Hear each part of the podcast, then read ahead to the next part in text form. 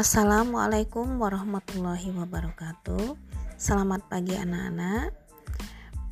Apa kabar anak-anak? Pada pertemuan kali ini kita akan membahas tentang mutasi. Materi biologi kelas 12.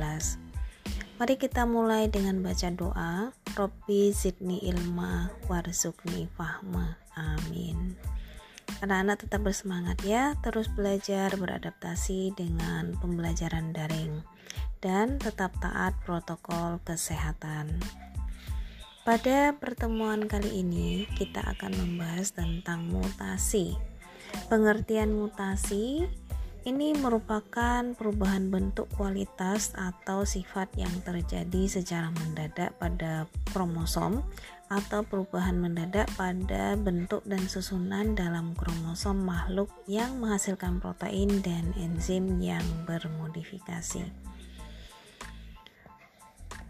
Ada macam-macam mutasi, ada beberapa macam kriteria pengelompokan mutasi yaitu satu berdasarkan cara terjadinya. Mutasi dikelompokkan menjadi mutasi alami dan mutasi buatan. Mutasi alami disebut juga mutasi spontan, merupakan mutasi yang terjadi secara spontan di alam tanpa campur tangan manusia. Meskipun mutasi dapat menyebabkan kelainan atau penyakit terhadap individu penderitanya, beberapa mutasi dapat juga menjadi sumber adanya variasi dalam populasi. Variasi dalam populasi sangat penting sebagai mekanisme evolusi.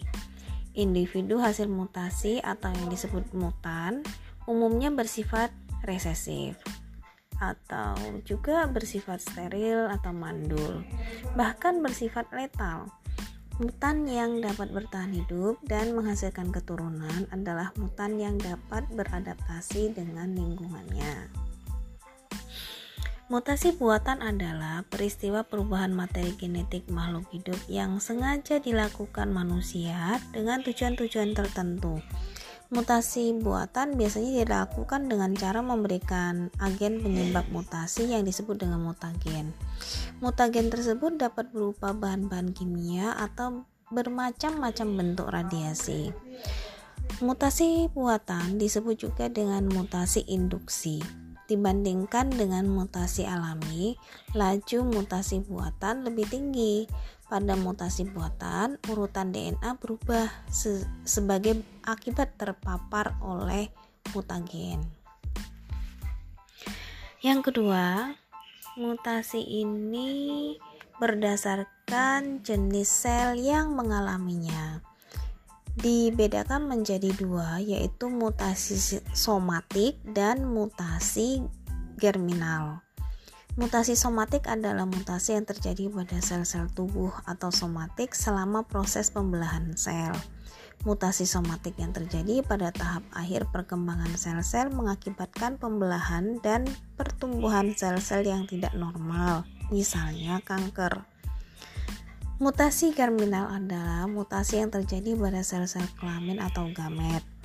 Mutasi germinal mengakibatkan perubahan genetik pada gamet.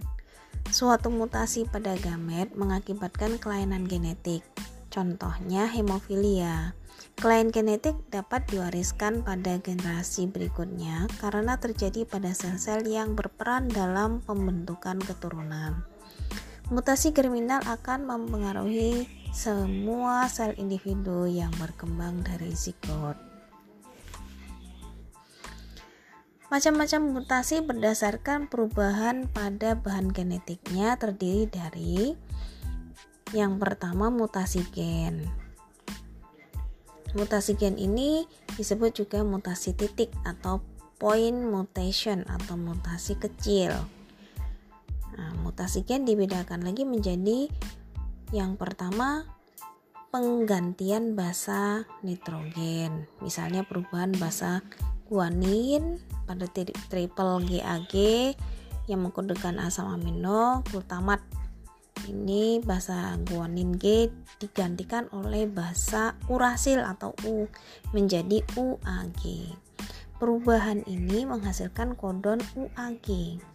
Yang merupakan stop codon yaitu tanda dihentikannya proses translasi pada sintesis protein. Nah, hal ini menyebabkan terhentinya proses sintesis protein sebelum waktunya. Yang kedua, delesi dan insersi basa nitrogen. Ini adalah peristiwa penghapusan atau pengurangan satu basa nitrogen pada gen. Hmm, sehingga urutannya menjadi berubah. Jadi, jika suatu gen memiliki 300 buah urutan basa nitrogen, ini akan terbentuk uh, polipeptida yang mengandung 100 urutan basa asam amino. Apabila satu basa nitrogen disisipkan atau dihilangkan di tengah-tengah urutan basa nitrogen tersebut, maka semua urutan basa akan berubah. Demikian juga dengan urutan asam aminonya itu untuk uh, mutasi gen. Yang kedua, mutasi kromosom.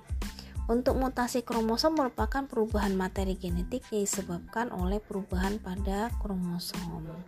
Ini terbagi menjadi dua macam lagi, yaitu mutasi kromosom karena perubahan struktur kromosom. Nah, perubahan ini dapat memicu kelainan pada individu. Ada sejumlah cara yang dapat mengubah struktur dasar kromosom itu yaitu yang pertama adalah delesi. Delesi itu terjadi karena ada patahan kromosom yang mengakibatkan hilangnya satu bagian kromosom. Misalnya A, B, C, D, E, F itu menjadi AC, FGH. Yang kedua duplikasi. Duplikasi ini jika ada penambahan bahan kromosom sehingga suatu bagian kromosom terdapat lebih dua kali dalam satu sel diploid yang normal. Misalnya A, B, C, D, E, F menjadi A, B, B, C, D, E, F. Yang ketiga translokasi terjadi jika patahan segmen suatu kromosom berpindah ke kromosom yang lain yang bukan homolognya. Nah, peristiwa tersebut terjadi selama meiosis 1. Nah, contohnya misalnya A, B, C, D, E, F itu satu kromosom, kromosom yang lain adalah G, H, I, J, K, L. Itu menjadi A, B, C, J, K, L dan kromosom G, H, I, D, E, F. Yang keempat, inversi. Ini terjadi karena perubahan letak gen-gen. Perubahan ini disebabkan adanya kiasma saat pembelahan meiosis. Macam-macam inversi ini ada yang namanya inversi parasentris terjadi karena kromosom yang tidak memiliki sentromer. A B C D E F G H A B C B E F G H Inversi perisentris terjadi karena kromosom yang memiliki sentromer. Inversi perisentris ini A B E F G H menjadi A G F E D C B H. Dan yang berikutnya adalah katenasi. Katenasi kromosom merupakan mutasi kromosom yang terjadi apabila suatu kromosom homolog yang ujung-ujungnya saling berdekatan sehingga membentuk lingkaran. Nah, untuk gambarannya biar lebih jelas nanti bisa dilihat di bagian materi di media pembelajaran yang kita gunakan.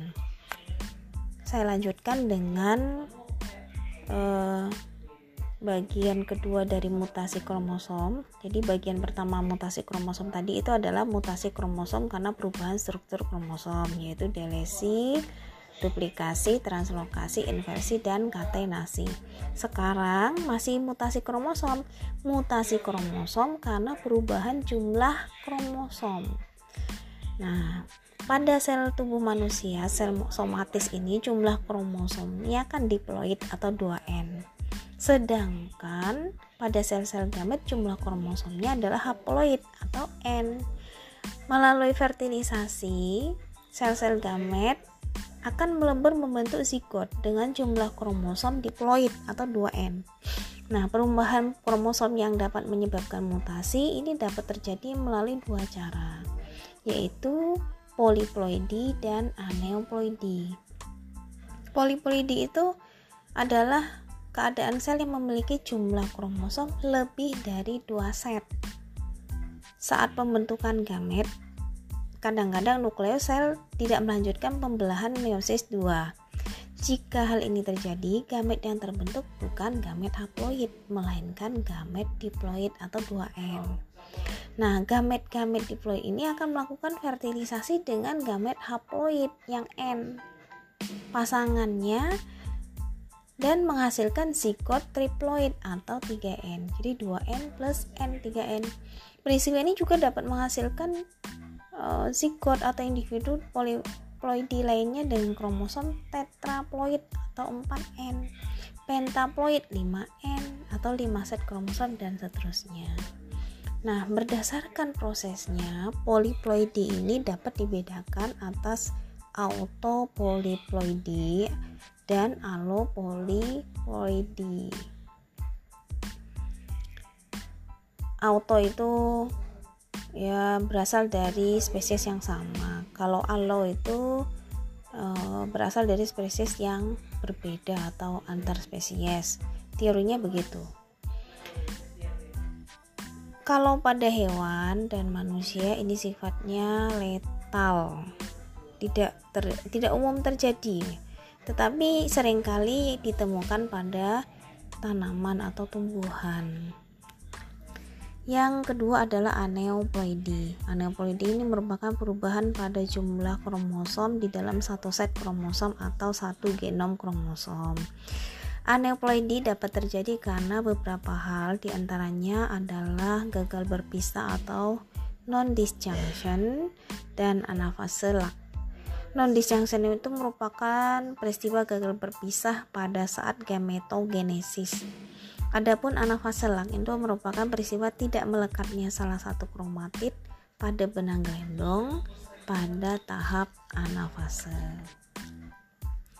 Nah, untuk lebih jelasnya mengenai macam individu aneuploidi ini nanti bisa dilihat juga di tabel yang disajikan di dalam media pembelajaran kita. Di sana nanti akan saya tunjukkan nulisomi itu 2n-2, monosomi itu 2n-1, trisomi itu 2n plus 1, tetrasomi itu 2n plus 2, pentasomi itu 2n plus 3 misalnya itu. Nah, ada beberapa kelainan dan penyakit yang disebabkan oleh mutasi kromosom aneuploidi. Di antaranya adalah yang pertama sindrom Turner. Ini 45X0 atau 44A plus X. Maksudnya adalah penderita sindrom ini memiliki jumlah kromosomnya 45. Harusnya kan 46. Nah, 45 ini terdiri dari 44 autosom dan satu kromosom X sehingga karyotipnya menjadi 45X0 atau 44A plus X. Kemudian sindrom Klinefelter itu 47XXY atau 44A plus XXY yang terdiri dari 44 autosom dan 3 gonosom yang normal kan harusnya dua gonosomnya XX atau XY kalau ini tidak jadi 45 eh, 44 autosom dan 3 gonosom XXY sindrom Klinefelter yang ketiga sindrom Down itu 45A plus XY atau 45A plus XX ya ini terjadi kelebihan autosom pada kromosom nomor 21 sehingga jumlahnya jadi 45A plus XY sindrom Edward ini kelainan terjadi karena non-disjunction pada autosom nomor 18. Sindrom Patau ini memiliki 47 kromosom. Eh, terjadi gagal berpisah pada kromosom nomor 13, 14, atau 15. Sindrom Jacob ini juga mempunyai 45 44 autosom dan 3 kromosom kelamin XYY.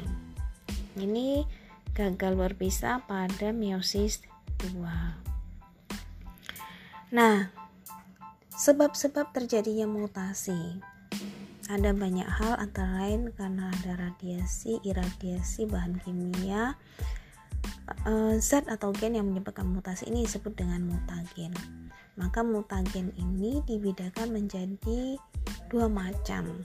Ada yang namanya mutagen alami.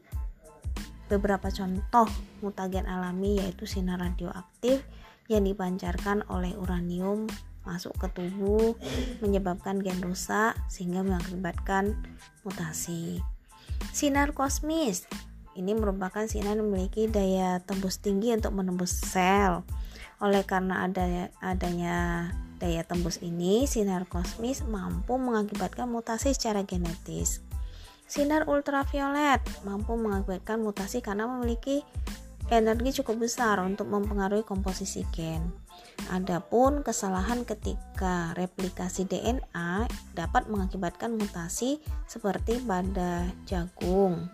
Jagung yang diteliti ini warna bijinya berubah sehingga dalam satu bugol terdapat jagung berwarna warna-warni lah dalam biji jagung. Pasti pernah lihat. Kalau tidak ya nanti bisa di browsing gitu ya Mutasi buatan.